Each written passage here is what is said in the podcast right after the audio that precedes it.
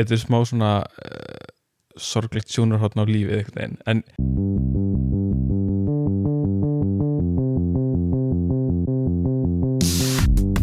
Halló er eitthvað að frétta? Já það er ekkert að frétta. Já það er ekkert að frétta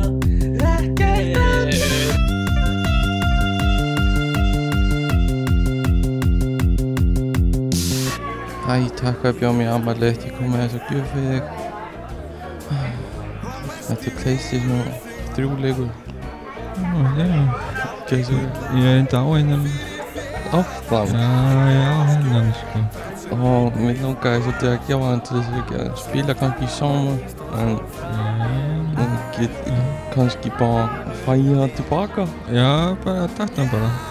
Ok, þetta hafa mikið með ammali smá já, takk velkomin í þáttinn kæri hlustandi. Eins og þið heyri þá uh, eru fagnaðar uh, fagnaðar þema í þættinum í dag. Það eru, eru gjafa þema um, og gjafir eru eitthvað sem við höfum lengi verið með í haustum á okkur og hefur svona djúpa rót í uh, menningar samf... Nei, ég veit ekkert hvað ég er að segja. Hérna, velkomin þáttinn, gaman að fá okkur. Uh, Við ætlum að uh, byrja á því að helsa Björgunni Hæ Björgun, já, halló. Gaman að fá þig uh, Mikið að gerast.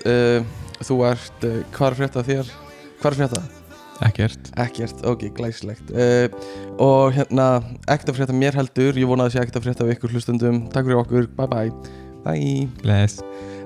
Hérna uh, Þetta er alltaf já, fyndið brandari En uh, heyrðu, ég, það er nú alveg smá frétta Og mig, ég geymdi að tala um þetta í síðasta þætti Þegar ég var með Gumma Að hann myndi bara ekki skilja þetta Skilur, þetta er eitthvað sem ég þarf bara að tala við þig um. Ok. um, En það er, þú veist Það er þetta með samningin sem við rættum saman fyrir mm, tveimur mitt og hérna og Kr Kristjana kærasta mín hlustaði á þáttinn sem við vorum með síðast. Og hún sagði við mig já þetta var bara skemmtilega þáttur. All, allan að þanga til að þið byrjaði að tala um þetta sam, selja sálina í samningum dót eitthvað. Ok, en var það ekki byrjun þáttarins? Jú, það er hlustaði kannski eitthvað 15 myndir á þættinum eitthvað og svo hérna ekki meira það af því hún meikaði ekki að við værum að tala um eitthvað svona selja sál og samninga og eitthvað svona. já, já. Um, sem bara er, er leðilegt fyrir hana af því þetta er fyrsta leiði þátturinn er frábær og líka þetta er bara mjög skemmtilegt umræðinni Já, mér veist það. Ég, hérna, mm, það er svona En, en maður skinnir þetta samt alveg hjá fleirum. Já, að þetta sé bara ah, hættu að tala um eða þú veist bara svona Þetta er bara óþægilegt að tala um þetta. Já, bara óþægilegt og bara nennir ekki eitthvað svona barnalegt eða eitthvað Já, einmitt. sem ég er bara ósamála þetta er bara mjög áhugaverð hugsunæfing um verðgildi sjálfsins og hvað fólk trúir á sko. mm En hérna til að svona ríkappa eldsnögt þá skrifaði ég samning uh, um daginn uh, upp á það að, að einhver getur selt mér sáluna sína á 10.000 krónur. Og þetta, ég reyndi að gera bara svona freka pró og svona uh, innihalda bara svona eins mörg svona uh, edge cases og hægt er til að innihalda eins mikið í samningnum og hægt er til þess að gera hann eins legit og hægt er. Mhm. um, og þetta er þá ekki undir lög íslensk lög heldur bara þetta er svona undir einhver svona alheimslög eða svona kosmosin, bara að þú ert að gera samning við aðra mannesku Mhm. upp á bara heiður og æru og bara Mhm. allt sem þau hafa geta búið þér Mhm. um, ekki eitthvað sem er hægt að framfylgja undir lögum og ég bý 10.000 krónur og einhver selur mér sálunni sína Mhm. og hérna ég hengdi þetta upp í vinnunni og svo kom kollegi minn um daginn og var bara alltof til í þetta var bara gung ho og bara, bara já, strax skrifum myndir og þá var ég allt í þetta bara bíti, bíti, bíti, hvað er í gangi hérna? Mhm. hérna, stopp maður ég, ég ætlaði hérna, ég ætlaði að laga nokkuð orðalag og eitthvað svona. Og hann eitthvað, nei, nei, nei, skrifum bara þetta strax. Og ég eitthvað, "Í, ó- ok. Og hérna, viltu ekki lesa þetta fyrst? sagði ég eitthvað svona, hann eitthvað ég er búinn að lesa þetta, allt í góð, bara skrifum myndir Mhm. og ég eitthvað, ok, bíti, bíti, bíti ertu búinn að fara yfir hérna það er hérna klausa um þetta, þetta og þetta og er klausa hérna um, um, um að hérna sálinn þurfa að vera í góð, góðum gæðum og það þurfa að vera ekki búið að vera að skada sálina og eitthvað svona. Hann eitthvað svona, mm, ég veit ekki alveg með þetta. Eins og hann verið að gefa í skinn að hann væri búin að vera að gera alls konar hluti Mhm. morð og, og, og pynta fólk og eitthvað. Mhm. og ég sagði, að það ge- gæti verið smá vandamál. Og hann sagði, nei, gerum þetta bara samt. Og ég eitthvað, ok. Og svo sagði hann ég vona að þú vitir hvað þú ert að gera Mhm. sagði hann um mig. Og ég eitthvað, já, ég veit alveg hvað ég er að gera. Svo skrifuðu við undir. Og ég gaf hann tíu skall. Og hérna ekki tíu sekundum eftir að við skrifuðum undir þá fekk ég mjög leiðilega fréttir í vinnunni um bara svona mjög leiðilegt verkefni sem ég þurfti að taka að mér. Mhm. bara svona, þetta er svona uh, já, það var ekki skemmtilegt að þurfa að, lendi, að veist, gera þetta í vinnunni. Uh, þannig að ég var bara strax býtunum við hvað kom fyrir? Og svo um kvöldið þá fekk ég COVID aftur. Mhm. bara strax, bara, um, bara þegar bleki var að þopna sko. Bara, þá varstu farin að hósta? Þa, já, þá var ég farin að hósta og kom með hitta og leið ógæðslega illa. Þú veist, mér leið viðbjóðslega illa með COVID fyrstu tvo dagana, Aha. tvo, þrjó dagana. Hann að hérna uh, Tenging? Þannig að ég var svona Ég var alveg búinn að Ok, ég var kannski ekki búinn að vara þið við Mm. þegar við rættum um einhvern tímann að þetta gerði gerst en Mm. ég var samt alveg búinn að tala um það að þú Ég eftir hva- hvort að þú mm væri búinn að hugsa út út í enda sjálfur hvað, Já, hva, hvort að einhverja skuldbyttingar Mhm. þú getur verið að taka á þig sem kaupandi Já, einmitt. Þú veist, kannski bara passa ekki ég veit ekki, tvær sálir inn í einn líkama, eða eitthvað skilur Mhm. það bara geti haft áhrif fyrir mannskjörn sem kaupir sko. þannig að hérna uh, En það, það bara uh, þú veist þú þarf bara að kaupa aðra sál já og sjá að sjá hvort hvort, að hvort, það sé ykkur fylgni Já. milli þess að kaupa sál og veikast á COVID. Hvort ég fái einkýrningssótt eða eitthvað næst. Mhm. það getur verið. Já, þannig að, að hérna, ég kannski prófa ég var svona ég var, þegar ég var veikur var ég svona að hugsa hérna, hérna hvað ef þetta er, þannig, hvað þetta er satt af því ég var bara, ég held ég var að deyja sko. ég var bara, ég lá bara og horfði upp í lofti og var bara ja, hérna, hérna er ég að deyja það er ekki gott að taka he- heilsa guði og ég er nýbúin að hérna, móðgan með því að kaupa sálir sko. Þannig ég var svona að gera upp mig hvort En ég varstu ætti það að- ekkert orðin spenntu fyrir því að deyja og þá sjá hvað þú hvað gerðist hvort það getur það gert eitthvað við þessar við auka sáluna Já, En máli er að gaurin sem ég seldi er náttúrulega ennþá á lífi sko. Já, Þannig Já, ég hefði ekkert getað gert allan strax sko. uh, Og það er spurning hvernig tíminn virkar í í, eftir, Mhm. hérna, í handan heimi Mögulega er einhver svona æðri samningur mm. sem að þú veist ekki af eða svona sem að nær yfir öll sálarkaup mm uh, sem að í rauninni allir aðrir mm. sálarkaupa samningar Mm. vísa í uh, svona óbeint mm. þannig að þar eru kannski einhver ákvæði sem að þú veist ekki af Það sko. gæti verið, það gæti verið Og einhverjar reglur um hvað má og hvað má ekki þegar Mhm. þú selur sál sko. mm allan mér langaði bara að uppdata um sko, hvað kom fyrir mig þegar ég gerði þetta sko, að mjög slæma fréttir mjög stuttu eftir ég gerði þetta -hmm. bara, ég snér, bara skrifaði niður snýri mig við og fekk slæma fréttir í vinnunni Mm uh, hægt og rólega byrjaði að verða veikar og veikari og fór fyrr heim úr vinnunni þennan dag og var veikur um kvöldið. Þannig að þannig var það, það er bara ótvírætt verki. Mm, og ég var svona að velta fyrir mér á ég að gefa hana tilbaka? Bara til öryggi sko. En hérna, enda ekki á því að gera það. Þannig að ég kom inn í gegnum þessu veikindi Mhm. og hérna sjáum hvort að eitthvað, eitthvað slæmt gerist. Um, Sér þú eitthvað slæmt í minni framtíð? að þú svona reynir að þreyfa fyrir þér í, í hérna miðils miðilsfræðan sko, Sér þið eitthvað gott eða Ég, slæmt hérna- eða peningasumur? þú þyrftir eiginlega sko, ég er mest í bolla Já, Lestrinum, sko. En monster dose lestrinum. Já, þá þarf að klára dósina og snúinu við og eitthvað svona. Ok, ok, ok. Við erum segjast, uh, rauðin dagsins dag er hvítum monster og styrtar að þáttur þessi dag er liturinn gulur. Gulur í dag. Páskar. Páskar. Um, Páskar. Páskar? Um, Hérna já, Það er allir konum með ógeða páskunni þegar þáttu kemur út samt.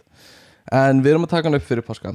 Uh, En hérna, eða á páskunum? Uh, þú veist, Það er laugadagurinn milli föstudags og langa og Já. páskadags í dag. lögadagur fyrir páska. Já. nullt í páskum. Núlti í páskum er fínt. Uh, Hvað voru að tala um? Hérna, já, að hérna Ég sé stóra peningasummu í þinni framtíði ok, uh, Sem sagt á mánaðamótunum næstu alveg bara ófyrir síðan mánaðamót. Mm, ok. Þá er einhver Það svona hvað er peningur að tala um stórar? ég myndi alveg segja, þú veist. Í hundraðasköllum já, einhverju hundruðu skalla sko um hver mánaðamót, næstu mánaðamót sko. Ok, þannig að hérna, þú mátt alveg búast við því. Ég sé þetta bara mjög skýrt sko. já, ok. Um, en hérna hvað heyrðu við vorum, lentum í mér finnst þetta ennþá svolítið áhugavert. Mér- við þurfum aðeins að krifja þetta betur. Aha, þú veist hvað ég er að fara að tala um. Já, að, að því við hérna við fórum að borða í fyrradag eða eitthvað, mm Mhm. já. Og hérna keftum okkur kjúkling. BK ah, ég vildi ég væri styrtar á BK kjúkling. Uh, við erum samt svona, þú veist, við erum alltaf verkfræðingar og verkfræðingar Já. fá afslátt á BK verkfræðingafélagi með afsláttu BK og þau bara treyst okkur. Við bara lappaði upp að afgræsluborðinu og sagði bara ég er verkfræðingur. Og hann bara ég veit hvað þú veist og það er bara engin lígi sko. Og- en allan við vorum með BK kjúkling og vorum að hlusta klára að hlusta á smá hlaðvarp inn í bíl á bílastæðinu fyrir framann húsið mm -hmm. þannig við sátum bara tveir inn í bíl og vorum aðeins að árunum við fórum út í bílunum Mm og það er kona að lappa á bílastæðinu. -hmm. og ég er svona bakkin í stæði og svo líður ekkert á áður en að konan kemur upp að bílnum og bankar á bílrúðuna þín megin Já, eða, veifar eitthvað svona Já, veist, já. já, eitthvað svona gefur merkjum að Aha, vil ég tala Já, og þú skrúar niður rúðuna mm og svo kemur smá þögn þar sem við horfum á hvort annað og hún svona ennþá með hendina að veifa og segir svo er allt í lagi? er ekki allt í lagi? Er ekki allt í lagi? og við bara jú jú uh, og hún er eitthvað já. Flott. Og svo, horf, svo kemur svona smá bít og ekkert gerist og svo lappar hún í burtu. Mm -hmm. uh, þetta er er svo fyndið að spyrja bara einhvern veginn er ekki alltaf lægi uh, en, en sko svo sjáum við á móti á bílastæðinu þá er blár svona Subaru Impreza þess að tveir gaurar sitja í bílnum. Mm og um leið og kona tala við okkur þá byrjar þessi bláa Subaru Impreza að kera í burtu. Já. Þannig að mig grunaði mm að þessi kona væri mögulega að kaupa eitulif Aha. og hefði átt að fara í Subaru Impressan mm -hmm. í staðan fyrir í, þú veist, gamla Nissan Leaf bílinn minn og segja er ekki allt í góðu við einhverja díla, Einmitt, skilur svona kód eitthvað svona kód en þetta er satt alveg fyndi bara, Eh. er, ekki allt í, er ekki allt í góðu? Uh, og, og eitthilíðu salin er bara jú, ég veit nákvæmlega hvað þú vil En það er samt skríti kód því að þetta er svona ekkert ó, veist, eins óeðlilegt og það var þá er Mhm. þetta samt svona spurning sem er mm bara svona frekar eðlileg svona já, í flestum samingi, Já, flestu já, samingi já, en þannig að ég hefði valið eitthvað annað kód ef að þetta átt að vera kódið sko. mig grunar einhvern veginn frekar að hún hafi þú veist, hún hafi einhvern veginn fatt um leið við skrúðum niður Mhm. bara nei ok, þetta er ekki gæði og þá bara svona, hvað ég að segja bara, "Uh, er ekki allt í góðu?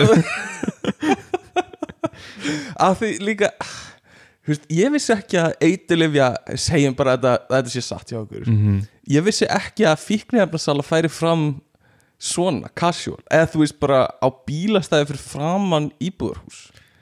Eða þú veist, kannski er það bara eðlilegt. Já, ég myndaði mér alltaf frekar þú hittist á bílastæði fyrir framann sjómannaskólan eða eitthvað skilur Mhm.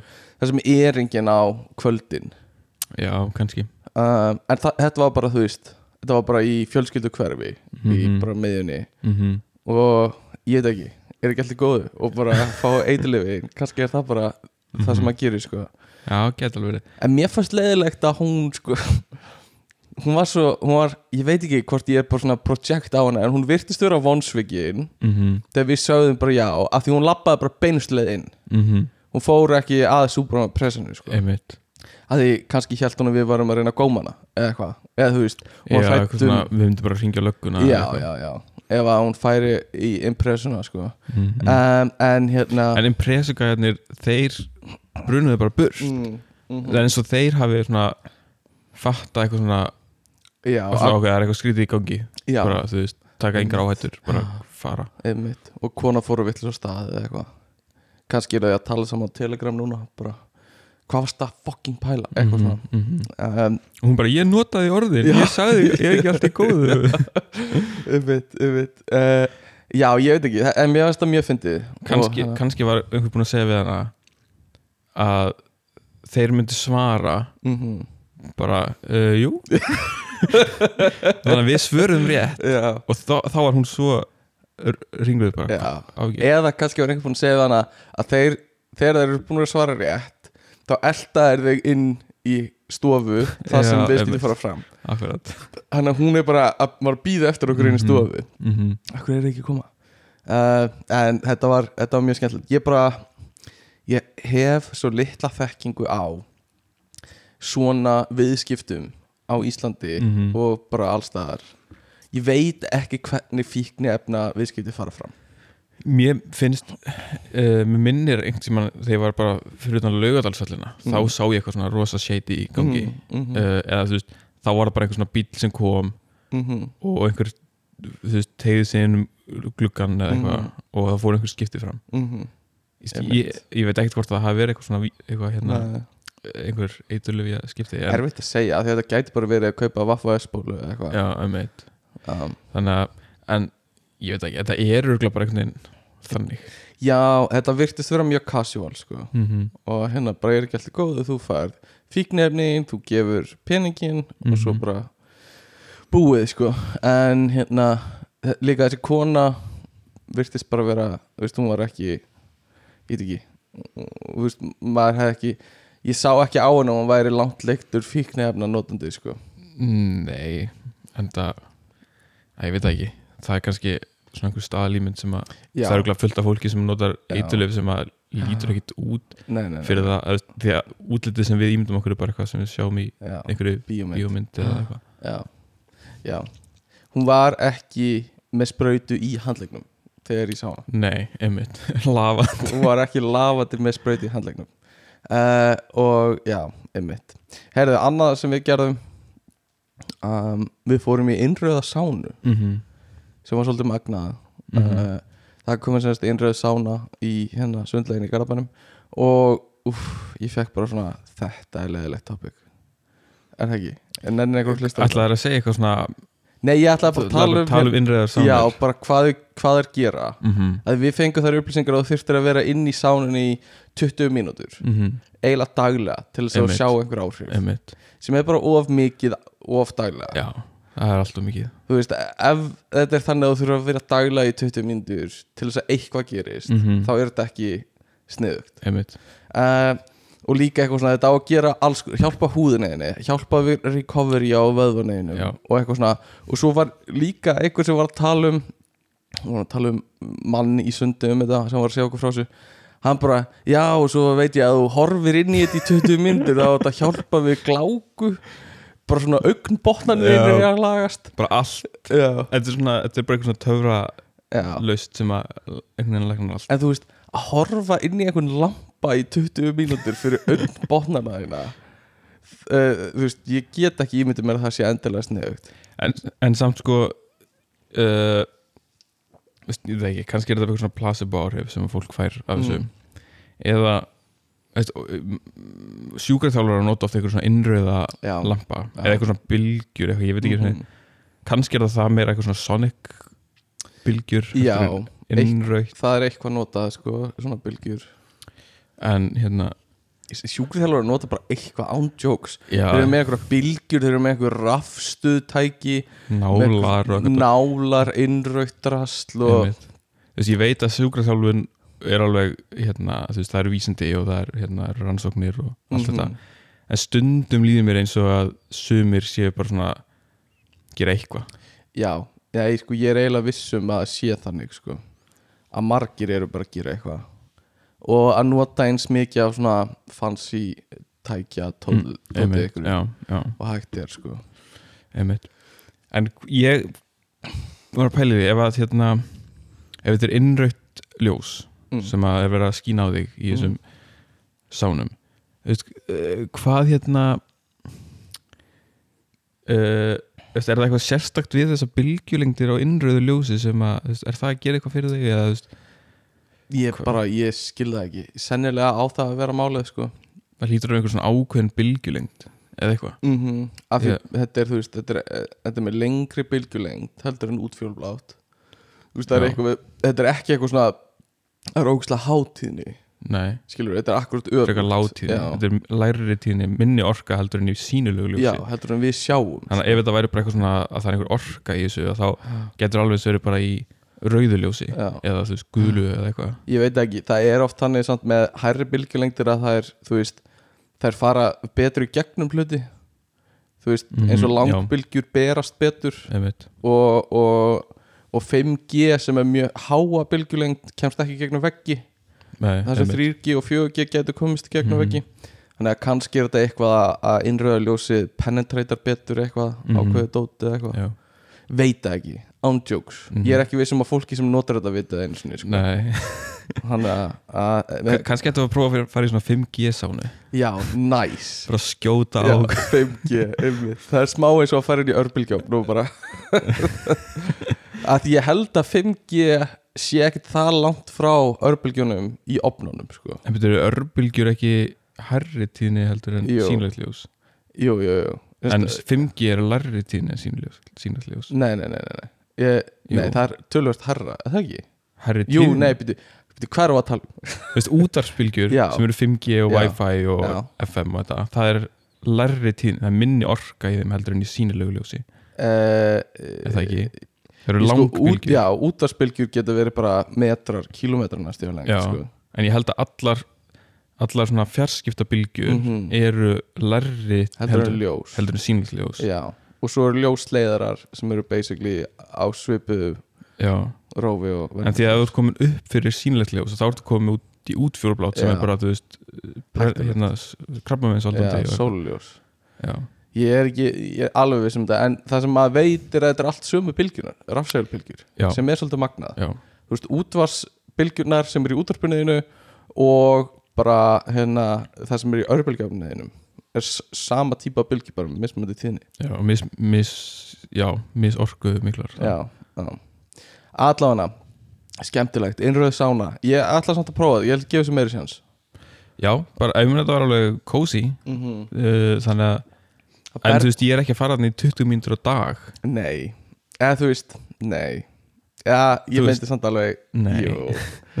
ég myndi alveg kannski 20 mínútur eftir Mhm. æfingu. Já, ég fer nefnilega yfirleitt í sánu eftir æfingu já, og er alveg í svona korter upp í hálftíma sko. mm þannig að það er gamla guðvan það er gamla guðvan sko.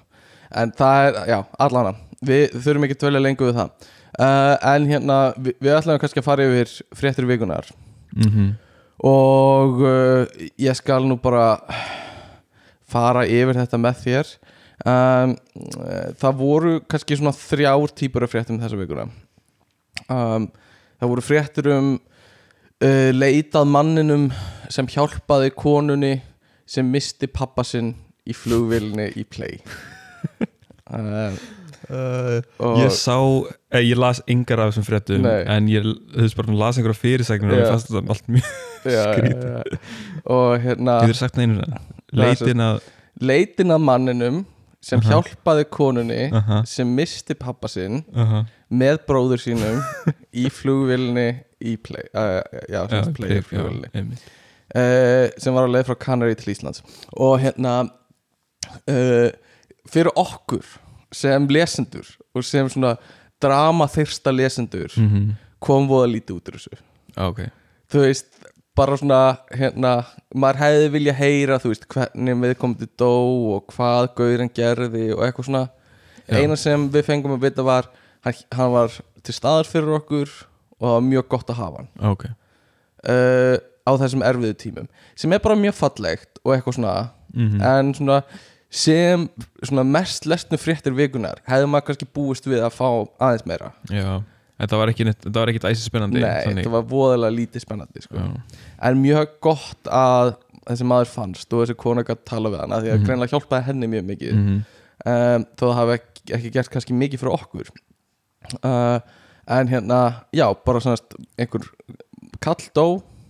Æ, kall hljóma svolítið Bara va- einhver kall? einhver kall.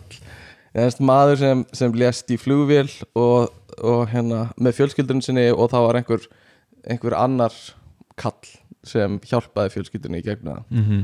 og svo var bara leit að þessu ári sinna. Árið setna já þetta skerast í fyrra shit. þannig ég veit ekki alveg hvað kom til. Um, og það voru nokkra fréttir um þetta sem voru mest lesnar. Svo hérna kemur einn mjög áhugaverð. Eða sko fréttin sjálf er ekkit rosa áhugaverð en fyrirsögnin er það. Og við höfum nú ofta rætt uh, fyrirsagnir uh, fréttamanna. Mhm. hvað þeir hafa gaman af þessu. Mhm. Og ekki endalega í podcastinu bara okkur á milli. En fréttamenn elska að hérna gera eitthvað svona skemmtilega fyrirsagnir clickbait fyrirsagnir eða fyrirsagnir sem þú veist sem er bara svona eitthvað tækifæri sinnar. Já, bara eitthvað svona einhver hérna uh, vera svolítið nýtt já, nittnir og orða grín og eitthvað svona. Mm uh, og stundum er það bara uh, það, það er smá mm, verið að tegja sig og það er þú veist það er alveg skrítið stundum hvað er velja að nota sem fyrirsögn -hmm. um, eins og hérna er fyrirsögnu MBL uh, sem er engungu hlussur á lausu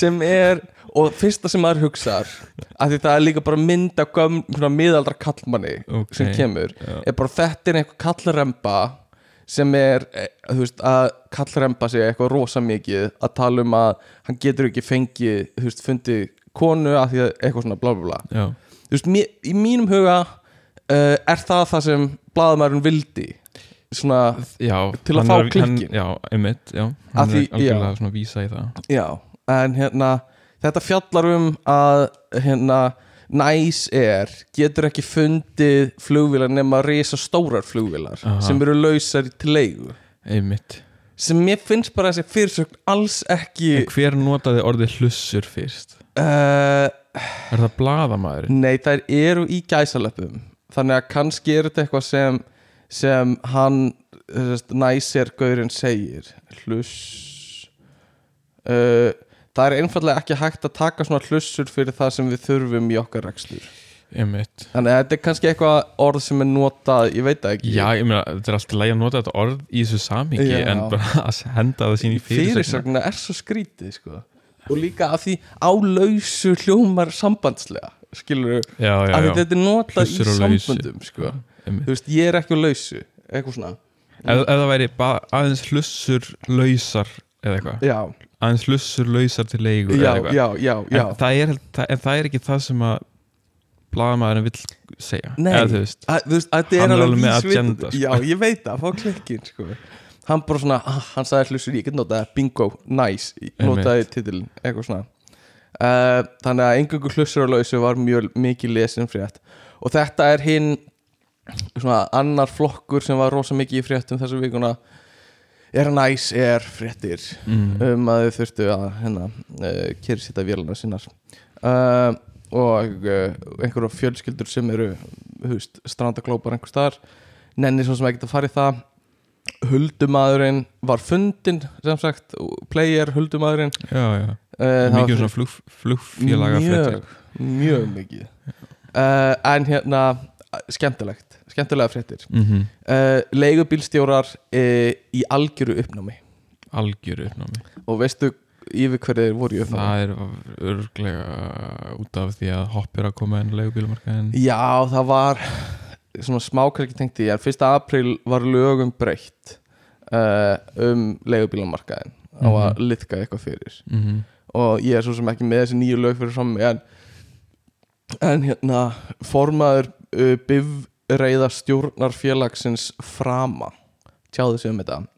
Og hann var heldur betur ekki ánaður Nei, og segir að hopp Jú, jú, hopp getur boðið upp á lægri hérna uh, gjöld til að byrja með en svo eiga þau eftir að hækka þau. Bara svo Mhm. Uber gerði þegar þau komið fyrsta markað mm að þú veist, þau koma að hörku inn á markaði með lág, lág fargjöld og svo hækkaði hægt og rólega.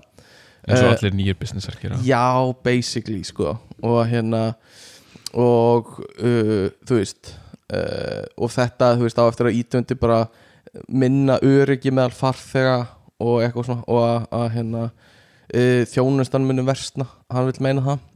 Ok, og hérna, en þetta er samt allt uh, hérna bílstöru með réttindi sem verða að keira fyrir Já. hopp. já, það á að gera það sko. Og hann var ekki hrifin að því að panta leigubíl í gegnum app á snjallsímum og það verði á endanum bara einhver svona húsbóndi uh, að nota appir Mér finnst það orðið Ég veit það, það. Þannig að ég veit ekki, ég, mér finnst það svolítið skrítið sko, hvað hann er að tala um. Mm uh, en hann er allan ekki hrifin þessu. Og hann endar þetta, mér finnst það svolítið skemmtilegt hvernig hann endar þetta. Þannig að við bara, það sem við vitum núna er að þessi maður hefur ekki áhuga á þessu og er ekki hrifin af þessu. Svo segja hann bara þetta er bara verkfæri satans ekkert annað Samkeppni. Þannig að þeir tala um snjallvæði fasisma á spáni. Þannig að hann, hann Já, sko einmitt. grýpur ansi djúft í áruna hérna sko. Já. og uh, er alls ekki hrifin af þessu fyrir leigubílstjórna ég persónulega veit ekki alveg hvar hvað, hvað hvað mér finnst í þessu máli. Uh, að einhverju leiti þú veist, finnst mér margt skrítið við leigubíla bransan á Íslandi í dag Já, það er Ég veit ekki uh, Ef að ok, Mér finnst alltaf lægi að leigubílstjórar séu með eitthvað svona ákveðin réttindi -hmm. uh, En eins og þetta er núna það sem er eitthvað svona bara takmarkaður fjöldi af leigubílstjórum Mm -hmm. uh, Það er virkar svona frekar skrítið á mig já, já. að, veist, og veist, bara til, til þess að vernda stjettina Mm en það, það augljóslega oft vantar leigubíla nýri bæ, já, já. Sérstaklega á- á tjáminu sko. Já, já, einmitt. Þannig að það eru bara svona hápuntar og svo Já, meiri lægð. Já. Um, ég veit ekki ég ég, ég veit ekki ég veit ekki ég veit ekki, ekki. Ég veit ekki. Nei hérna með þú veist af hverju er ekki bara Uber hérna? Um, og af hverju er Uber leifður annar staðar en ekki hér? Mm erum við með eitthvað ekstra miklar örgisreglur, er það málið? Eða erum við að vernda ekstra mikið stjettina leigubílstýru stjettina, hvort er ástæðan? Er það öryggi farþega eða er það verndun stjettarinnar Örugla og ef það er verndun Verndu stjættarinnar er örugla stærra, stærri þáttur sko. en ef það er það, af hverju veist, er ekki kom tími bara að þróast þá? Já, akkur ætti að vernda þessa stjætt svona mikið? Já, þú veist, við verndum al, veist, ég veit ekki kannski er fínt að vernda allar stjettir eitthvað. En þá verðum við svolítið, sitjum við svolítið föst sko, erum við svolítið stöndum við í stað sko. Mm þannig að, að ef við ætlum að gera það við allar stjættir sko, -hmm. þá þróast ekkert samfélagi, en ég veit ekki þetta er, ég hef ekki já, ekki harða skoðun á þessu. Það er alltaf gott að koma inn í legubíla og spyrja legubílstjóran strax hvað finnst þér um hérna hopp eða úp eða eitthvað? Og fá svona Þá veistu að þú færði einhverja mm Þá þarfst þú ekki að segja neitt Nei, það þarf ekki að segja neitt alla fyrir uh, Ok, og það var einhver bíl sem kerði í einhver hólu það er einhver frétt uh, Það fannst mynd af uh, svíakonungi uh, dress, dressaðan upp í drag uh, Ó, nei. 1968 svo sem ég er ekkert vissum að þetta sé eitthvað uh, þetta, þetta væri verra þú veist, í, fólk myndi taka þessu verri í bandaríkjanum held ég. Ég held að, þú veist, hérna á norðanöldunum sé basically öllum alveg sama. En mér finnst bara skipti með engum máli. En það tala um að Karl Gustaf er þekktur fyrir að kunna að skemmta sér. Að þetta var bara í einhverju jamferð einhverju skíðajamferð með vinum hans 1968 eða Já, já, uh, hann er þekktur fyrir að kunna skemmta sér hann hefur oft komist í fjölmjöla fyrir verri hluti en að skemmta sér aðeins á skýðum hann hefur meðal annars verið sakaður um framhjáhald og sækja nektardansstæði Mhm. þannig að ég veit ekki, mér finnst þetta ekkert rosa er ekkert svakalegt sko. sko. nei, nei uh, og hérna bara flottur í draginu sko, má alveg gera meira að því að hann vil það uh, Hver hefur ekki farið drag? Ég, það er svolítið langt síðan ég hef farið í drag ef ég hef farið í einhvern tímann í drag Já. það, já. Veist, ég hef farið í drag fyrir einhverja leiksýningar í grunnskóla. Mm.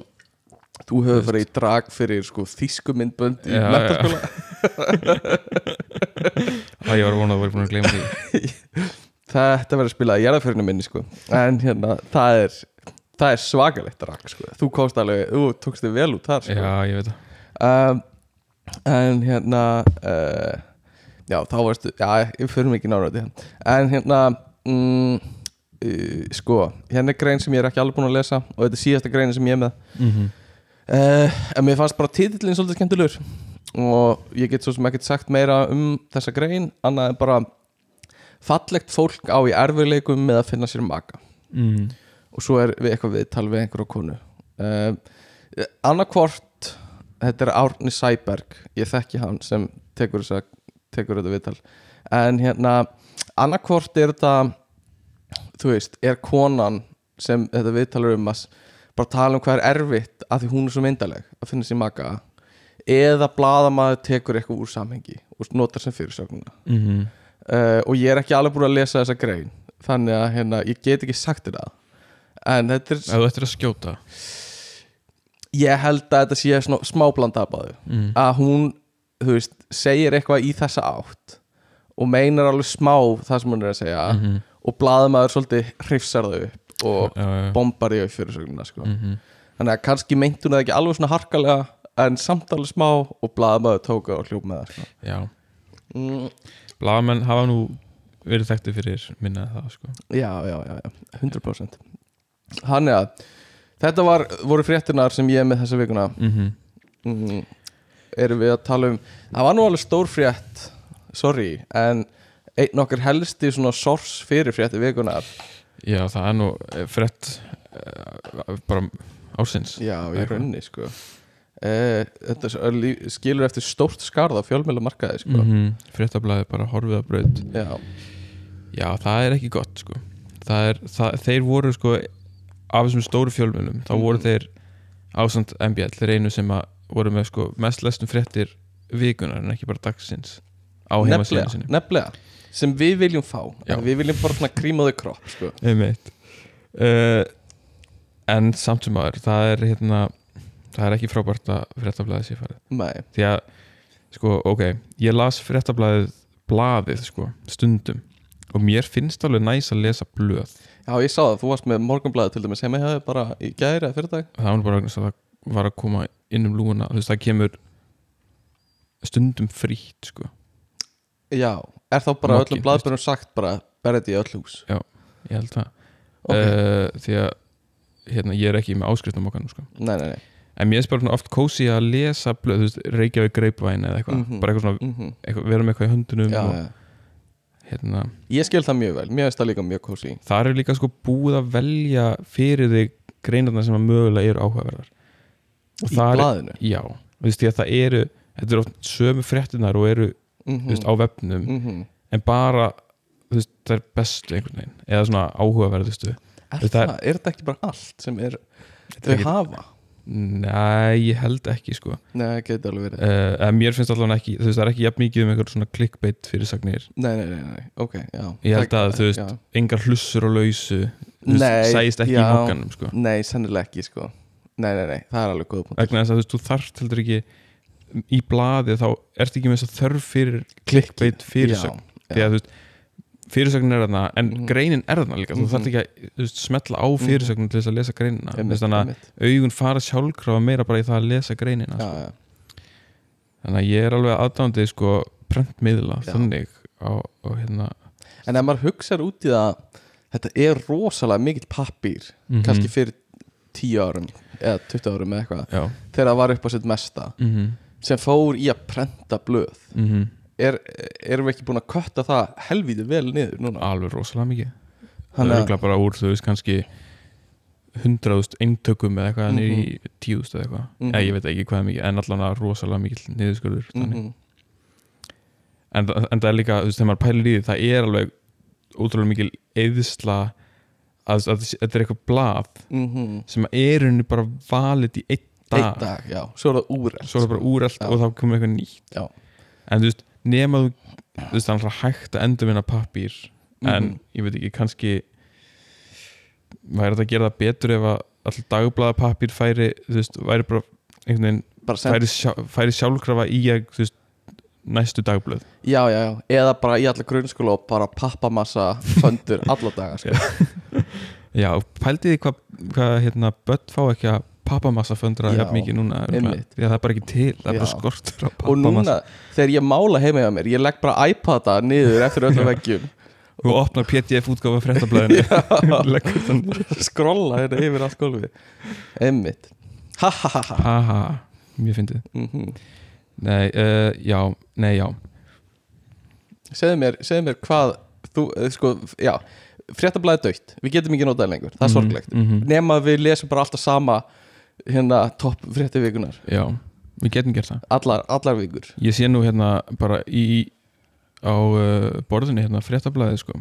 Já, Ég geti kannski lesið þetta bara í byrni ég geta sagt þér af hverju þetta fréttablaðirina það er að því það var grein um Kristjánu í blaðinu þannig að, að það, við höldum upp á þetta blað hérna. Já, við erum að gera.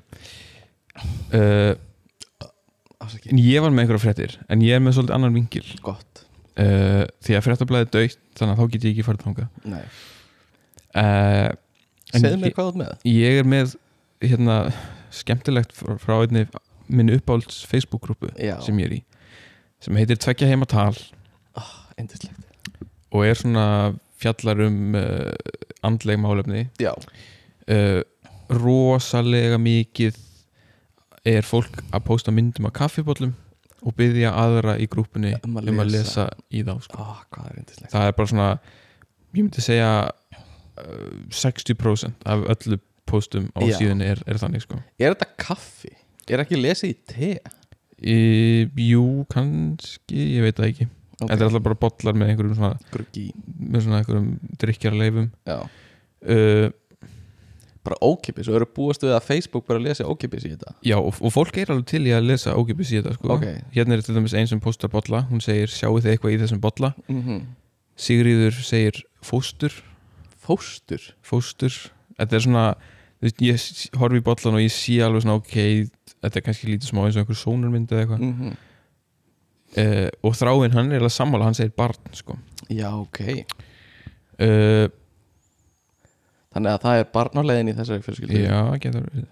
Ok, En var, það var líka einhver hérna sem postaði einhverju mjög áhugaverðu sko.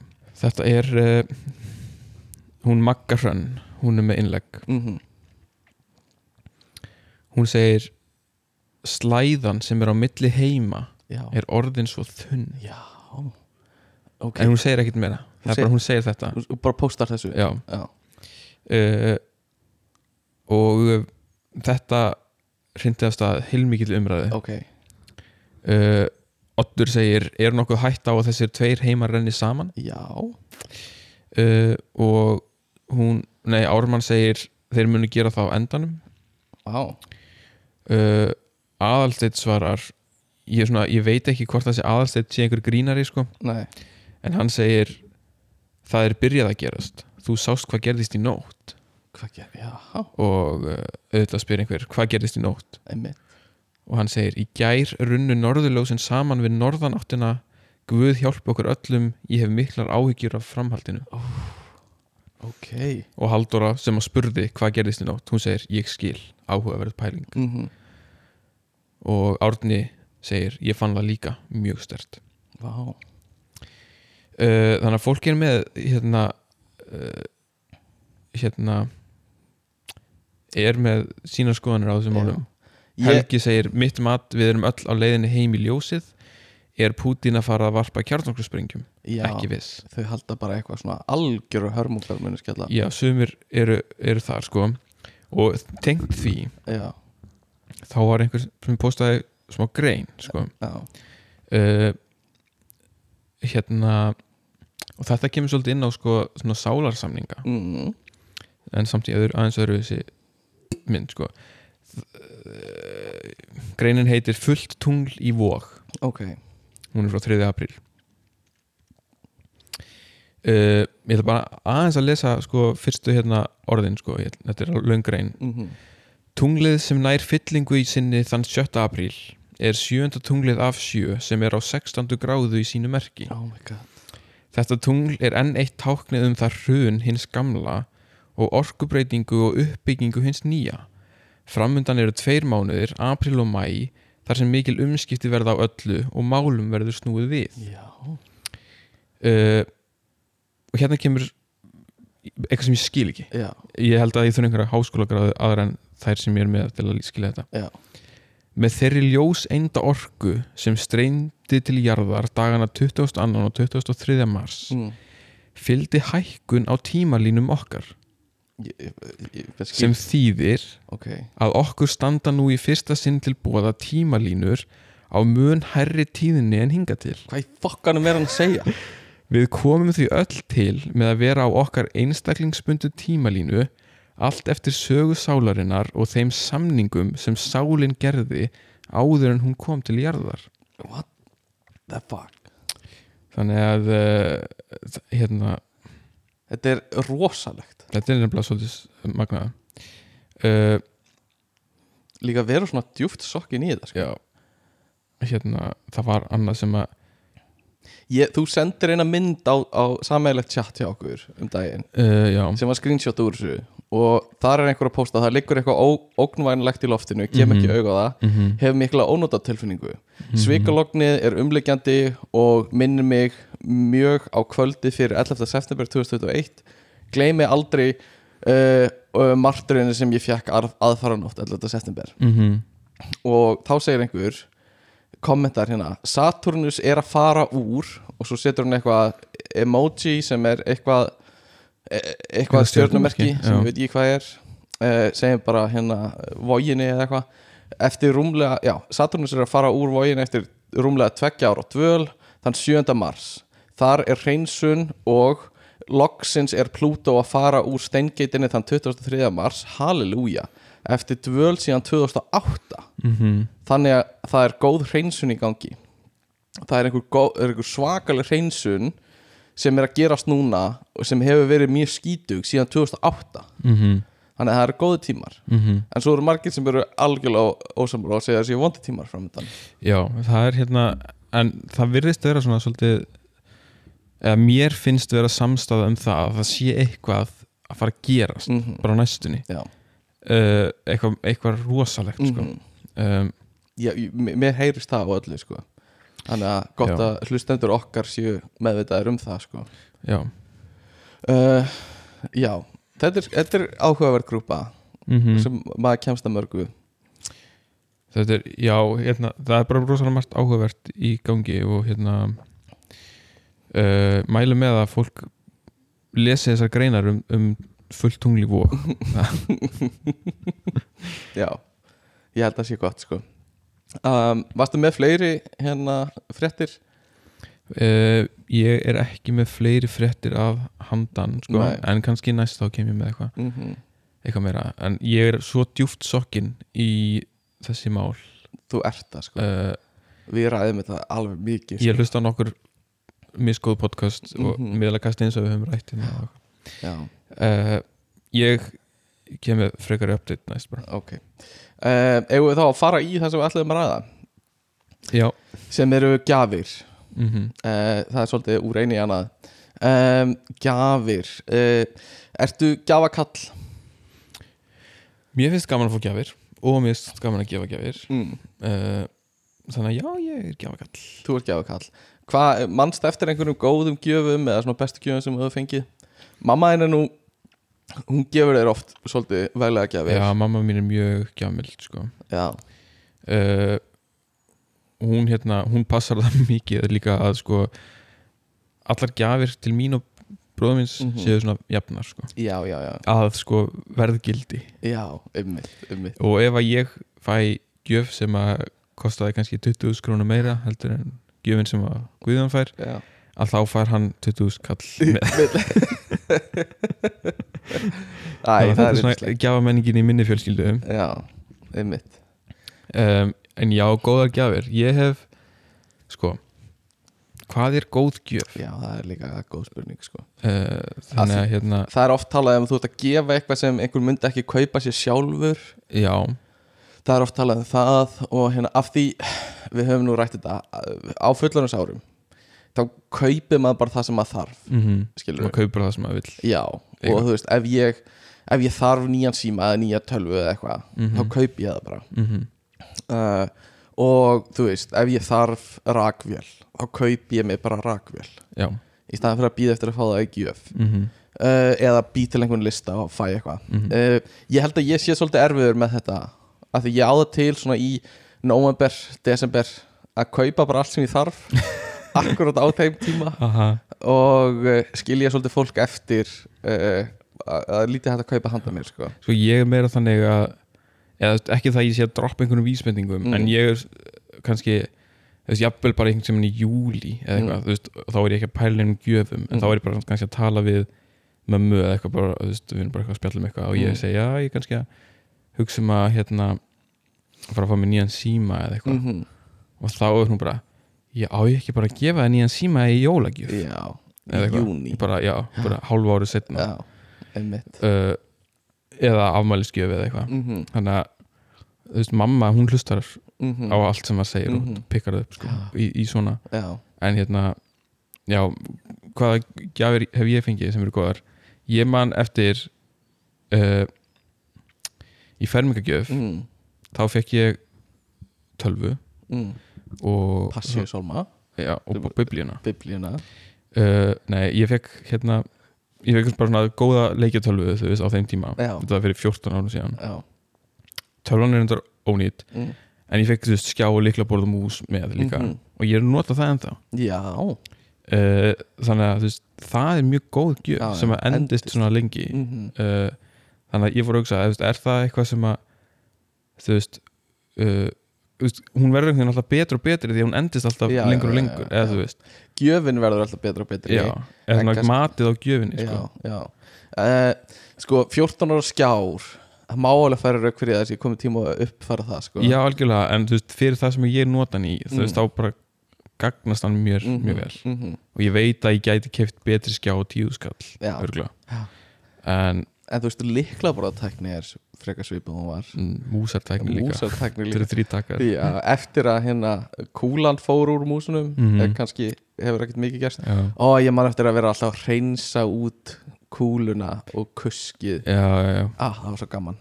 Uh, og tína kúlun eitthvað Tína kúlunni um mitt hérna, uh, En hérna, já, gjafir ég, ég veit ekki hvort ég er mikill gjafakall sko. Mér fannst alltaf mjög gaman að gefa gjafir mm, uh, og, og lagði alltaf mjög mikla vinnu í það mm einu sinni. Uh, Svo bara einhvern veginn Ég veit ekki Mistu ég einhvern veginn svona metnaðin já, á miklu leiti fyrir því.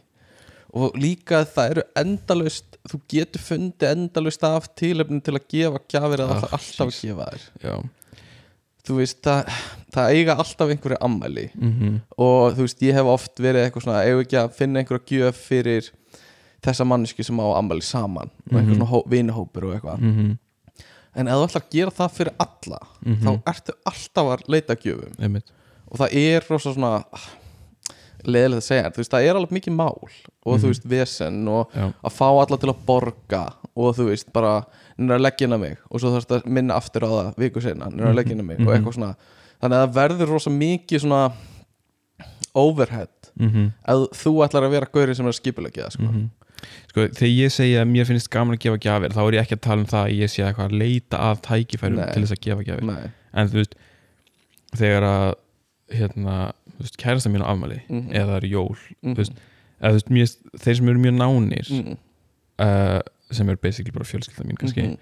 að mér finnst alveg gaman að gefa þeim gjafir vegna þess að ég veit að þau kunna að meta það að ég sé að Mhm. gefa þeim gjöf en þú veist, ég er mjög lélugur ef það er eitthvað svona, einhver býður mér í afmæli þá Mhm. kannski fatta ég bara svona korteri áður en ég er að fara bara, já, þetta er afmæli, Já. kannski er fólk að búast þegar ég komi með Jú, Já, en Þessum, og meðan ég er einhvern veginn ekki þeim, í þeim pælingum og heldur ekki, ekki ok, ég hef ekki haldið upp ámælið mitt mjög lengi Mm. en ef ég væri að halda upp á ámælið mitt þú veist, ég væri ekkit held ég að pæla í því að fólk sé að fara að koma með gjafir. Nei, nei, einmitt.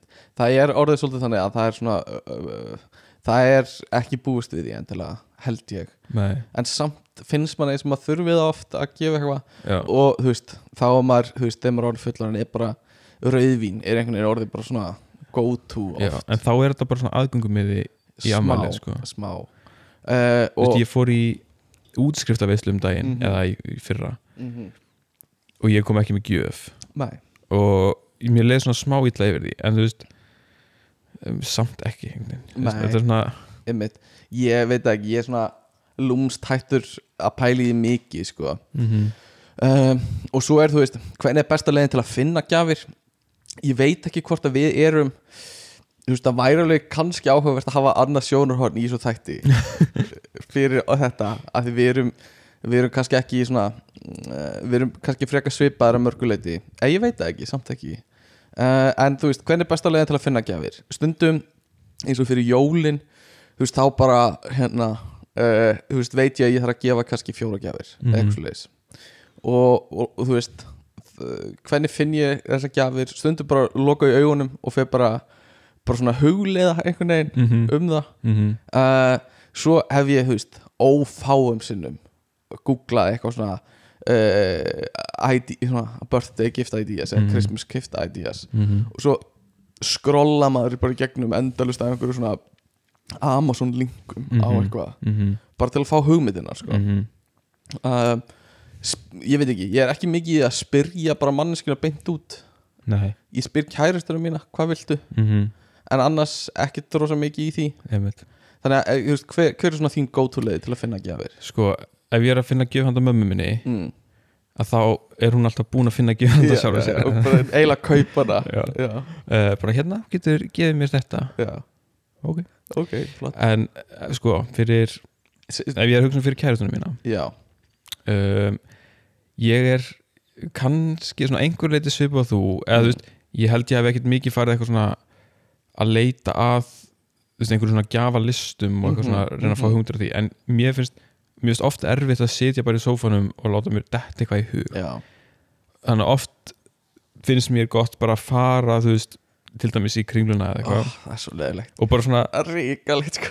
Nei þú veist Nei, þú veist, mér finnst það ekkert endilega ríkalega veist, ég, er ekki að fara þangað til þess að kaupa eitthvað ákveð heldur bara svona það er ríkalegt rölda, bara svona skoða bara svona, fá hugmyndir. Ég veit það. En svo veist, enda ég oft á að kaupa eitthvað, eitthvað allt annað en það er bara svona, þetta er bara bara til þess að komir í það hugar ástand að, ok, ég er svona að pæla í þessu. Þetta er svona það sem ég gerir þegar ég skoða síðurnar sko. já, þetta er svona sama pælingin sko. Já, bara því ég verð svo í þessum fucking verslunum með staðar fucking rúndum að labba um þessa fucking búð bara eitthvað svona, ég verð þreyttur fótunni ég verð sveittur, þú veist það sérstaklega á jólunum þá kalt úti og ég klæði mig ógislega vel fyrir kuldan og svo er ég bara í einhverju svona þremur legirum og úlpu því ég komin inn Já. og mér bara heitt og mér eitthvað svona ég, ég tengi ekki við þetta Nei. mér finnst þetta ekki svona mikið Mér finnst mál sko. ógislega leðilegt uh, og Mér þannig að- fannst þetta alltaf lægi einu sinni sko. Já.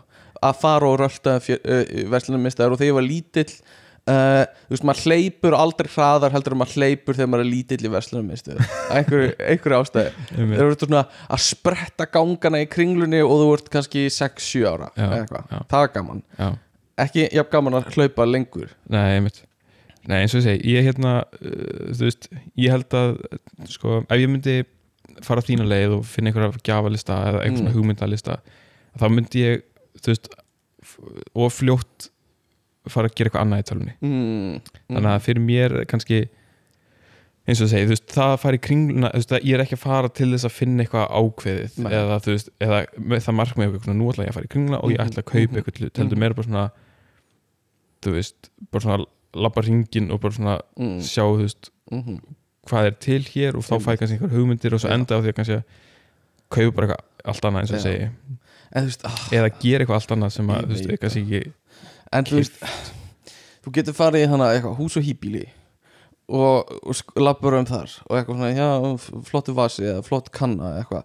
Svo ferðu í Epal og er bara nákvæmlega sömu vörunar og komin í annað sama hringin eitthvað svona uh, og svo ferðu í hana byggt og búið. Já, Og þú eitthvað voru að velja bara leiðilegustu búðirnar. Já, ég veit það, en þú veist, ég en þú veist samt búðirnar sem að eru svona praktískar Já, já. en þú veist en þú veist þegar ég ok, ég, ég nota kannski ekki sömu taktík fyrir kæristunum mína og fyrir mm, bróðum minn eða eitthvað. Nei, ok, segjum að við séum að kaupa fyrir Guðjón gjöf, sem er bróðið þinn. Já, og við eigum báðir uh, við þú veist, ég á eldri bróður sem er basically já gammal ég og þú ert eldri bróður sem er basically já gammal þú. Mm, þannig við búum báðir að mjög svipu svona þannig vandamáli að Mhm. finna gjöf fyrir jafnaldra bróður okkar Mhm. basically um, og hérna uh, veist, hve- hvernig er best að gera það? en sko hérna þegar ég kaupi gjöf fyrir bróðum minn þá er ég oftast að kaupa gjöf fyrir kæristuna hans líka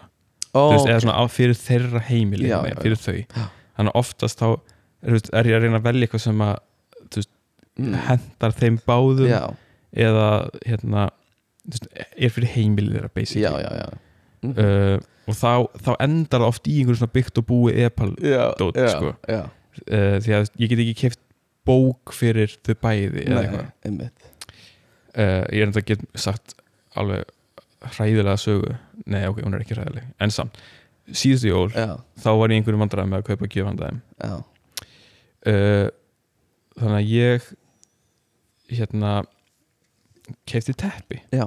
Fór svona öllarteppi, eitthvað Mhm. gósi mhm, sem að er bara, þú veist mjög fínt fyrir Mhm. þau bara, já, þú veist, ég myndi ekki eftir þau að þau ættu teppi. Mhm, og svo kemur aðfangadagur og uh, við hérna opnum, eða fyrst opna ég gjöfina frá þeim mm, og það er teppi, já, já, já, já. Geggjað, ok bara svona, ok, það er allt í lægi þú Aha. veist, er Aha, og svo opnum þau gjöfina frá mér Já. eða frá mér og unu uh, teppi, öllar teppi bara geggjað Já. og, hérna, og ég spyr eitthvað svona þú veist, ég man ekki eftir að þið hafi átt teppi eigið öllar teppi mm. svona, já, sem þú gafst nei. Sem þú, þú og þáverandi kærasta mín Gá- gáfum okkur gáfum okkur. Ah, já. ó, já, alveg. Ég man ekki eftir því. Já, einmitt. Er bara kemst bara góð gjöf kemst að sömu niðurstöðu tvisvar en ég meina það er ekkert að ég eiga tvö teppi. Nei, nei, þá geta ég líka nota sitt hvort teppi bara bæði. Mhm, mhm. ekkert að því sko. Uh, en já, ég hérna mér finnst best að vera búin að ákveða nákvæmlega hvað ég ætla að gefa Mhm. og svo fara á staðinn. Bara inn Já. út ef ég get sko. Ég en svo enda ég alltaf á því að kaupa eitthvað meira auka. Mm. fyrir svona, þú veist eins og fóruldra mína eða kæristuna eða tryggva eða eitthvað. Mm þú veist, þá enda ég alltaf á því að bæta við einhverju svona. Já, það er bolli hérna líka, kaupa hann.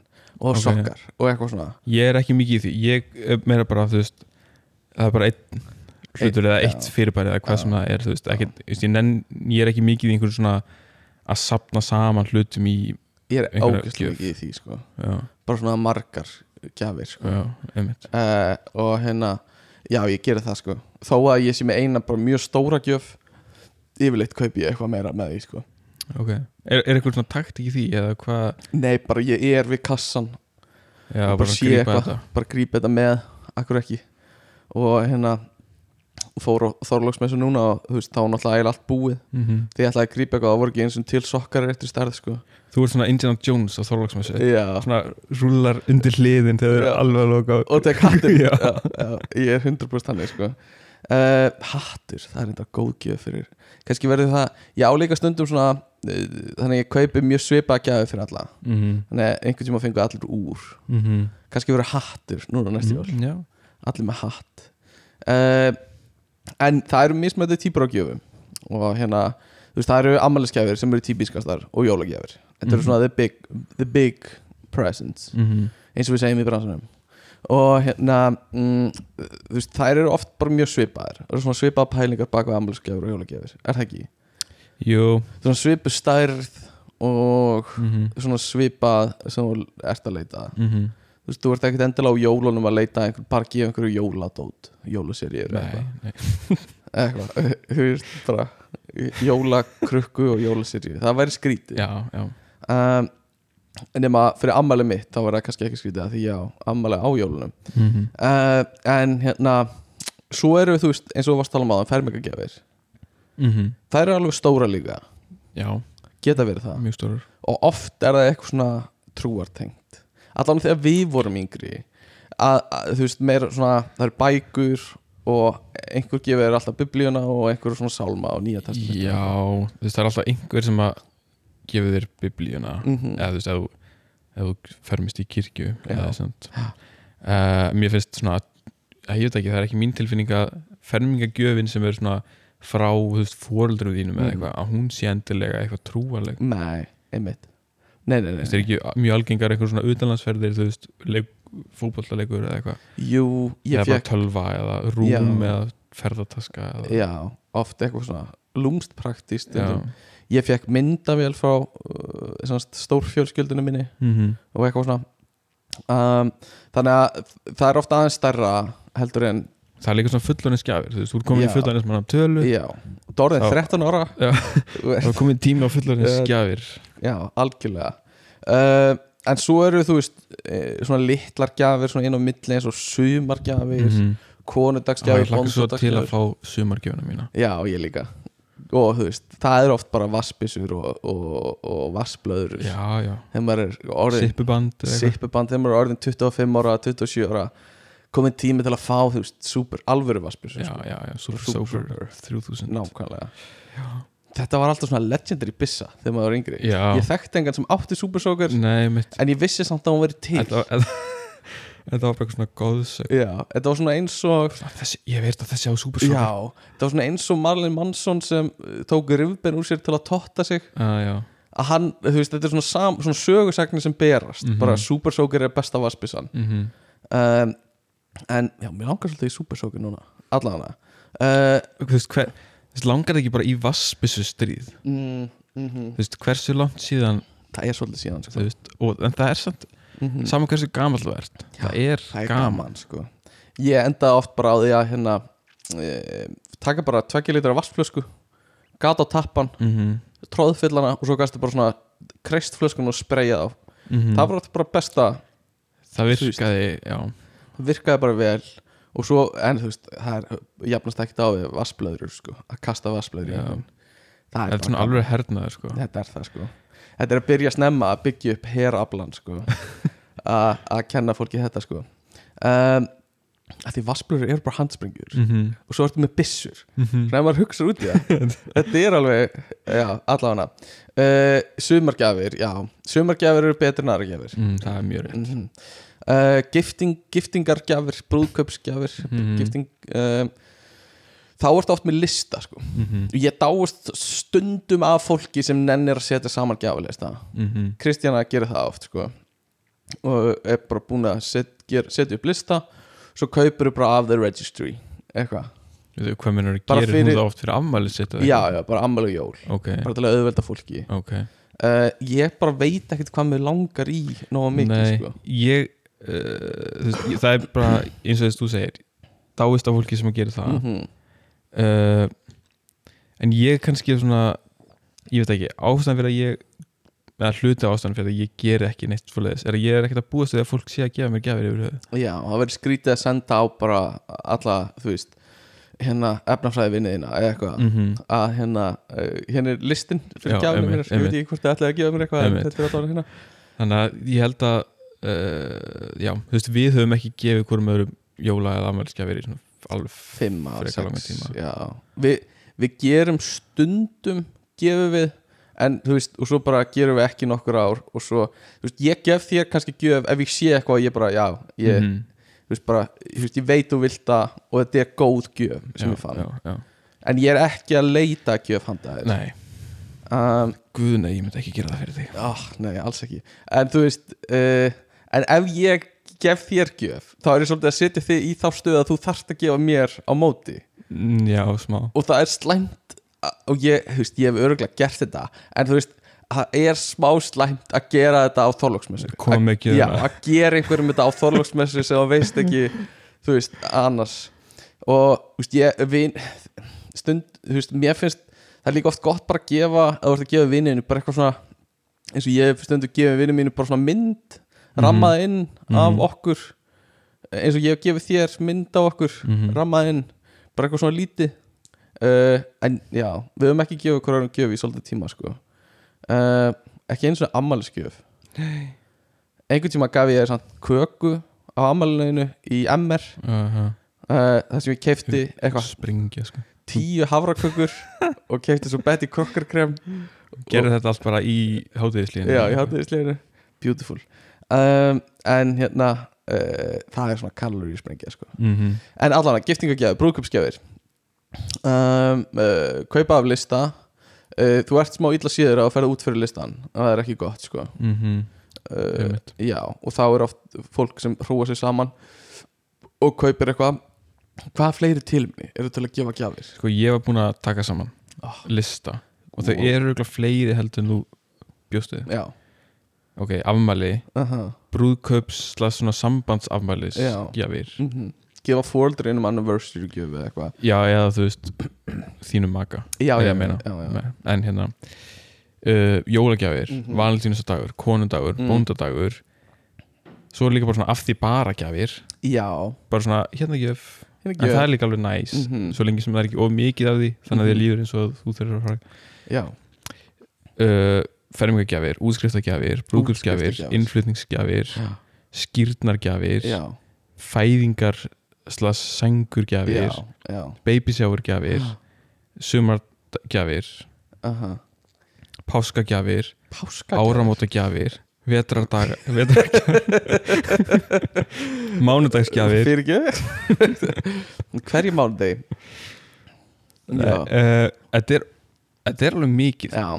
Uh, útskriftagjafir er svolítið það er svolítið stórt. Mér finnst það alveg, sko eittu útskriftagjafir sem er kannski ekki í mörgum öðrum mm er, þú veist, þú vannst þér fyrir þú raunverulega afreikar þú raunverulega afreikar fyrir útskriftagjafir. Það er svona, það er eitt af hvað, kannski þú fæði batt þá kannski já, já, já, afreikar já, eitthvað. já, já, þú veist, ég veit ekki, það má fara ykkur í en, en þú veist, útskriftagjafir er óneitanlega eitthvað sem þú vannst fyrir og er, þú veist, þú afreikaðir eitthvað sem er þess virð að fá gjöf fyrir Mhm. og ég er alveg á því, þú veist, Mhm. mentaskóla útskrift ég svona set spurningamerki við grunnskóla útskrift en allavega mentaskóla og háskóla útskriftir Mhm, bara 100% þarna erum við konum með eitthvað sem bara er tilefni til að gefa gjöf sko. mhm. bara vel gert sko. Mhm. allt annað, þú veist, ammælisgjafir þú, veist, þú gerðir ekkit í því að fæðast sko. Nei. og, og jólagjafir það er bara þú veist, það er bara eitthvað prump sko. Mhm. það er, kemur ekkit nálægt í sko. Um, en, en hérna þannig að ég myndi alveg segja að útskriftagjafir eru bestu þannig að þetta er bara að taka allar gæðunar bara mm -hmm. hendi sér uslu já útskrifagjafir, einu gæðunar eða bara, já, og bara gefa þú veist, freka gjafir fyrir einhver afreg sem þú gerir mm -hmm. þú veist, þú hleypir marathon marathongjöf, Mm -hmm. þú hérna uh, þú uh, fer, gerir, þú veist, fastar í einhvern tíma sem þú er búin að vera að tala um rosalega lengi. Mhm. fastugjöf, Mhm. eitthvað svona. Bara þú, þú náður einhverju markmið sem þú setti já, já, gjöf, markmiðagjöf já, og jafnvel ætti að vera bara markmiðadagurinn. Þar sem allir reyna að ná einhverju markmiði. Og ef þú nærið þá farið gjöf. Aha, ef ekki, þá bara næsta ár. Það er bara möguleika næsta ári. Einmitt. Aha, já, mér, mér líst vel það. Í staði fyrir jólagjöf. Allir setja sér markmið. Mm -hmm. uh, eða bara allir allir bara tilkynna það mm. þegar þeir telja sig hafa afrekað eitthvað nógu merkilegt til að fá gjöf gjöf, já, og þá þurfa allir bara, ok, ok þú fær gjöf þetta er þetta er, eh, býður kannski upp á smá svona að einhver sé að ofnota systemið mm, en, en samt alveg, ég myndi alveg segja að þetta veri sniðut system sko. mm en svo er náttúrulega einhverju sem vannótað systemið mm. finnst þeir aldrei gera neitt nógu merkilegt Já. þannig að það jafnast nokkur neginn út já, já, já, já, sennilega, sennilega. Um, ég væri alltaf bara er þetta nóg? Er, er Hmm. þetta tilefni, veit ekki. Fyrsti maðurinn á Mars. Já, það, veit ekki. ég hefði getað farið já. lengra. Uh, en hérna já, skemmtilegt, gjafapokar að pakkin ég var alveg smá sterk svona lúmst sterkar skoðan á þessu. Ég er ekki hrifin að gjafapokum ég ætla bara að segja það. Ok, Þú uh, ég skil umhverfis ástæðanar og, og endur nýta þannig að ég umber þetta alveg já. En mér finnst þetta leðilega mér finnst þetta alveg töluvert leðilega uh, þú veist, það fer svolítið eftir því finnst mér ekki eftir hver- er. neinu. Jú. sko, ef þetta er eitthvað svona ok, ef ég fæ gjöf frá nær fjölskyldinu minni já, sem er í gjafa póka já, það er svona smá óbrið en ef þetta er eitthvað svona frá, þú veist ég býst ekki við að jólagjöfin frá fyrirtækinu sem ég vinn hjá Mm. komi í einhverjum, innpakkaðar eða Nei, því þú, þú veist, að þú ert með 400 manna fyrirtæki á kannski vesen að pakka inn. Mm en stundum er líka bara nóg að setja bara borða utan um eitthvað. Já þú veist, þú þarft ekki endilega að fela hlutin Já, já þú veist, kannski þú veist, eina sem ég dettur í hug er svona uh, vínflösku pokar mm allt er lægi, samþykja uh, annars finnst mér bara miklu skemmtilega miklu meira hátíð í því að opna pakka. Já, einmitt. Uh, og þú veist gaman að rífa þá upp. Ég veit Mhm. að sumir svona opna mjög valega og passa mm límbandi og getur nota límbandi. pappir næstur getur nota pappin aftur eitthvað svona ok, fínt. Veist, ég, ég alveg virði þessa skoðun þína. Mm algjörlega, en en, samt ekki. Samt ekki. Veist, eða veist, þetta er leiðilegt Já, ég er, ég, eins og ég segi ef, ef þetta er nær fjölskylda mm. að þá pakka ég inn og, og ég gerir fastlega ráð fyrir því að fólk pakki inn fyrir mig. Já, já. Og þú veist, alveg skiljanlega. Um, en já, ég veit ekki mér finnst gjafapokar bara finnst það leiðilegt. Já, frekar bara að sleppa gjöfinni. Frekar bara að sleppa gjöfinni uh, þú veist, þú getur lagt inn á einhverja góðgerastar sem eða eitthvað mm það ætlar að vera svona ógeðslega leðilegur skilur við en annars bara drullast til að pakka inn og ég, ég er ekki innpakkun og sérfræðingur Nei, en ég hef, þú veist það verða ekki drósa fallega reyndalega gjafinar nei. En samt skilur mm ger ég það sko. -hmm. til þess að opna, mamma þín er mjög góð að pakka inn við höfum ófáðan sinni Já. fengið hana. hún, hún pakkar alveg vel inn sko. Mamma Eh. mín er líka freka góð í því sko.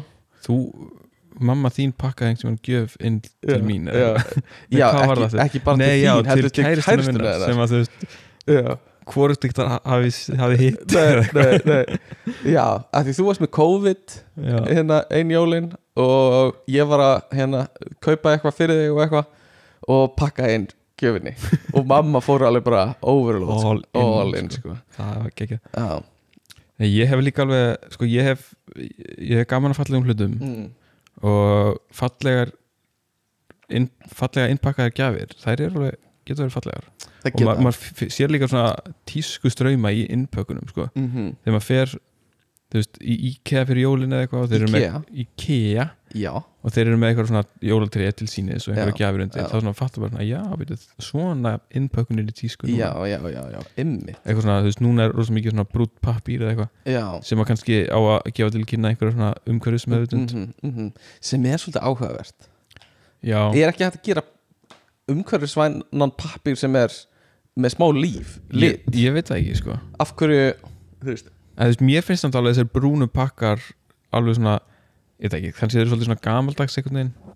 Já, Eitthvað það er svona nostalgía í þeim Já, svona 70s, þú veist, smá sko. Já, en svo, þú veist og hérna svo getur þú sett einhvern bara góðan litríkan borða utanum eða eitthvað. Mm, uh, og þá er þetta orðið mjög smekklegt sko. Já. þetta svona gjafar, gjafir geta orðið svo takki Mhm, þegar þetta er ógustlega litríkir og glansandi pappír og eitthvað. Mhm. þannig að ég er meira fyrir svona minimalisma í innpökun sko. Ég er ég er svona agent of chaos í pökkun sko. Ég er það algjörlega.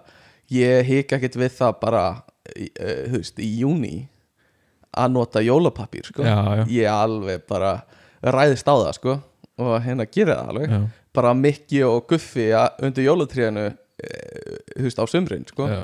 Mér finnst ekki það því.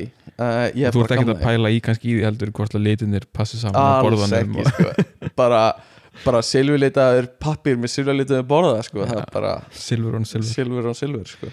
Eða hvað það er sko. Um, í- en ég bara mér finnst gott að hafa eitthvað jafnvel litríkt svona pappir í kringum pakkan. Mm og það er kannski ekki það umhverfisvænasta um, en að ég veit það ekki þú veist já, þess má umhverfið ekki bara þjást fyrir já, Okkar gjafir. já. og líka þú veist uh, dagblöðin, sumir nota dagblöð mm erfitt núna að pakka inn í iPad. Ha, það er svolítið erfið það er svolítið erfitt. Mm en uh, um, já, já, sko gefa gjafir þetta var auðvelt í gamla daga fyrir ammælin, það er bara 500 kall eingangsmiði, mm aðgangsmiði. Uh, hérna bara slengir 500 kall að borða og bara hver er kakan sko. Það er bara það sem maður gerði. Um, hérna, ég gaf einu svona þegar ég var yngri ég veit ekki, ég held að þetta sé léleggjöf svona eftir á higgja kann, já, ég ok, seg þú mér hvað þér finnst. Ok. Uh, þegar ég var svona, ég veit ekki, 12 ára 11-12 ára um, þá var mér búið í ammali hjá, hjá vinum mínum í grunnskóla og ég hérna uh, þú veist, ég, ég man ekki hvað engungum með var komin upp í 2000 skall eða hvað, 1000 skall, Mhm, 2000 skall uh, og hérna ég gerði það setti það í umslag en svo hérna prentaði ég líka út fullt af 5000 köllum sem ég fann á netinu í réttri stærð fram og aftan límdur með uhu í, nei ég bara prenta já, prentaði fram framan og og aftan, já, já, klippti það til þannig að þetta var kannski 20-30 skall aha, aha. og hérna svo svona aðeins kuðlaði ég á saman og reyndi að gera svona aðeins elleri og setti í umslæði líka. Mhm. heldur smá kaffi og já, eitthvað svo leiðis, skilur smá kókain og eitthvað til að gera þetta raunverulegt. Og hérna gaf þetta og hann trúði því til að byrja með. Þú veist, bara tóku upp og bara hvað, djúvill er þetta mikið eitthvað svona, svo þú veist, fatta hana eftir mínúti eða eitthvað, þá er er þetta skemmtilegt? Eða eru vombriðin of, þú veist eða er hann bara, er kannski gaman að eiga bara fake peninga, af því þetta er lögbrot sko, Þetta það sem ég gerði. er bara alvarlegt, Mhm. graf alvarlegt. Mhm. uh, hérna sko ég, þetta er fyrnt samt. Þetta er fyrnt, ok. Þá getum við rætt það. Já, uh, ég myndi segja þetta fyrir eftir hversu góðu vinurinn þetta er. Já, já, ef þetta er einhver svona sem, sem bauðir bara í afmæli bara, þú veist, vegna að þú ert í bekknum og Mhm. það þurft að bjóða öllum í bekknum mm, og þú ákvæmst að reyna að vera eitthvað fyndin mm, þá gæti þetta alveg farið illa í fólk. Mm, uh, en þú veist, ef þetta er eitthvað svona besti vinurinn og Mm. þið eru alltaf eitthvað að styrja okkur um öðrum og Mhm. fokast, að þá kannski mm, er þetta mm, svona alveg mjög góður brandari bara. Já. Ég þetta var einhvers staðar hann að milli sko. Mm þetta er svona gráu sveiði sko. En hérna uh, ég held að honum hafi fyndist það gaman sko. Fatta að það var raunverulega einhver alvöru peningur hann með. Já, hann gerði það á endanum sko. Þannig að hann hendi ekki bara öll í drasli. Nei, nei, hann hætti ekki öllu drastlunni sko. Það hefði verið leðilegt en, en hann gerði það. Fatta það á endanum. Svo við höfum gefið hérna uh, saman svona dónahanglaði sem við keftum í kólaportinu. Mm -hmm. Einhvern tímann uh, á mentaskóla aldrei Mm -hmm. það var svolítið gaman. Mm uh, og mér skilst að þetta hangla hefði verið alveg ónótæft bara eitthvað það var svona ofdónulegt já, bara nælon Já, bara eitthvað eitthvað drast. slurkað ekkert. En einhver mynda einhverju, þú veist. Einhverju píu. Já, eitthvað svona dóna. Uh, og við höfum keift líka eigva, einhverju alltaf um dóna myndina. Já, þú veist, ég, úlingar eða ég veit ekki já, úlingar mm, gefa örgulega bara verstu gjafinnar alveg pottið og þú veist, við gerðum þetta bara af því að þetta var fyndið. Okkur fannst það mjög okkur fannst þetta fyndið á þessum tíma. Við vorum 15, 16 ára eða eitthvað. Uh -huh. uh, en við, þú veist, fengum að við vorum undir lögaldri fengum við bróður þinn sem var yfir lögaldri til að fara inn í dónabúð mm -hmm. og kaupa dónamynd Mhm. handa við okkar. Mm -hmm. og, og það er að þurfa að fá eldri bróður til að fara inn í einhverja dónabúð og kaupa dónamynd sko. uh, ég man líka hérna ég held að það hafi verið alveg fjórir klukkutímar af dónaefni sko, já, potið á þessum DFD-disk sem var keftur já, ég man að við uh, fórum í búðina Mm. við, ég held að það hafi verið eitthvað við sögðum að verðum að leita að afmælisgjöf handa við okkar. Já, eða eitthvað gjöf handa við okkar og kallin í búðinu var svona, já, er það að leita vasabíkum? Eða og við veginn gett vandræðlega alveg á versta aldrei fyrir þetta já. hérna er vekkurinn já, bara velja eitthvað hérna og við bara hmm, bara að velja af einhver þúsund myndum. Að connoisseur af já, já. Uh, þannig að við spurðum bróðu þinn hvort það vildi koma með okkur í dónabúð að kaupa Mhm. dónamynd. Já. og hérna, keiftum dónamynd handa við það. okkar já, uh, sem ég held að hann haldi bara ennþá upp í dag. Mm vel, sko. Uh, og svo keifti ég kannski tíu ára seinna handa saman vini uh, svona múfu mm. í annari dónabúð. Ok. En þurfti ekki að fá fullorinn mann til að fara nei, nei. það uh, en núna er þetta ekki dónabúðir? Nei, þetta eru er bara búðir. Já. Þetta bara, Þetta voru dónabúðir fyrir 15 árum. Já, Er ekki lengur. Nei. Uh, Og það eru líka komnar meira svona fancy búðir núna. Mm Þetta voru aðeins svona það er Skítur. búið að normalisera þetta helviti mikið. Og sem er bara gott. Um, Allavega Tölvuleikir uh, Það var svona go to á tímabili Að kaupa það mm. -hmm. uh, Bara einn tölvuleikur Og bara búið mál. Ekki kannski hægt í dag. Eru við tilefnin til að kaupa gjafir og orðinu of mörg?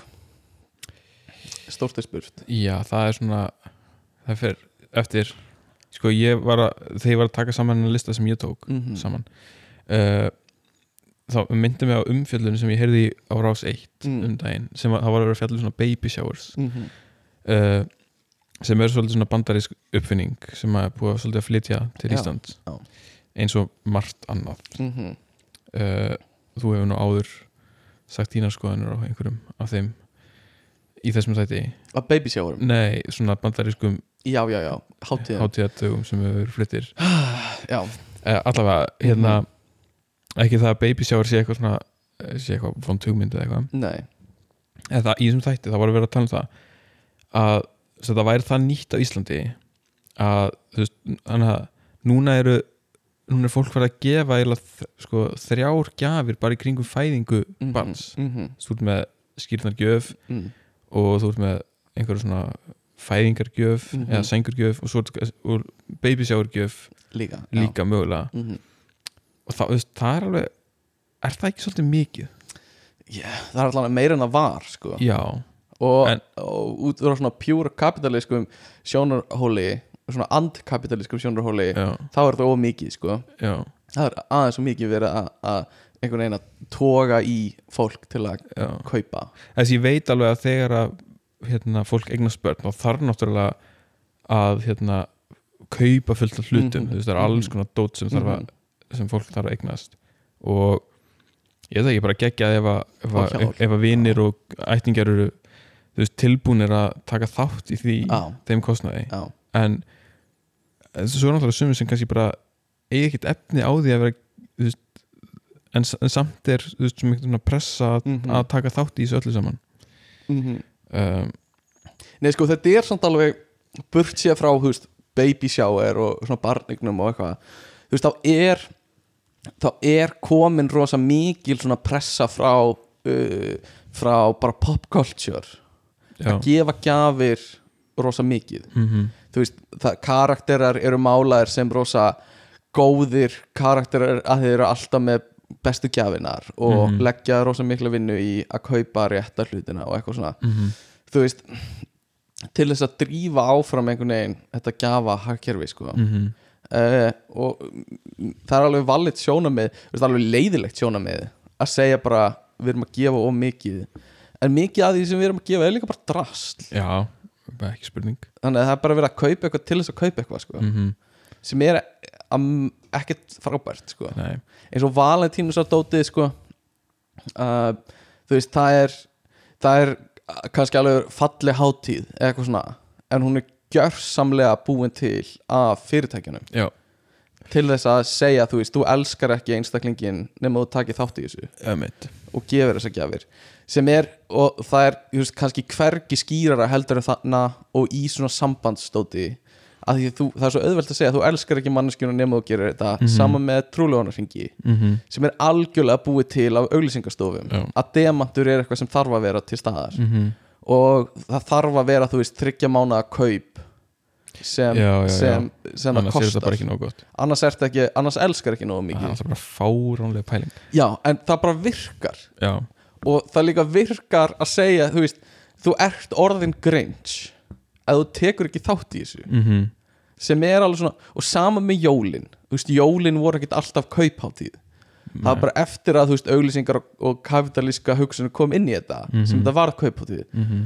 og ég hef svo sem ekkert á móti einni kaupháttíð á ári skilur þú, það er alltaf lægi ekki meira það. En þú veist, að gera að gera fleiri þú veist, viðbyrði að einhverju kaupháttíð finnst mér svolítið skítugt. Mm -hmm.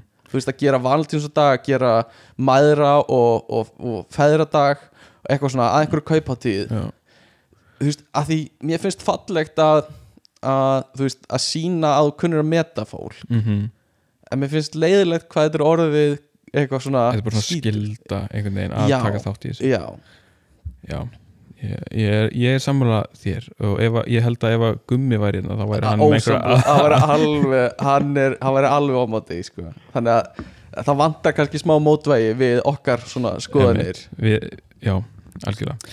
Við, við erum svo mikil búbla hvort annars. Já, ég veit.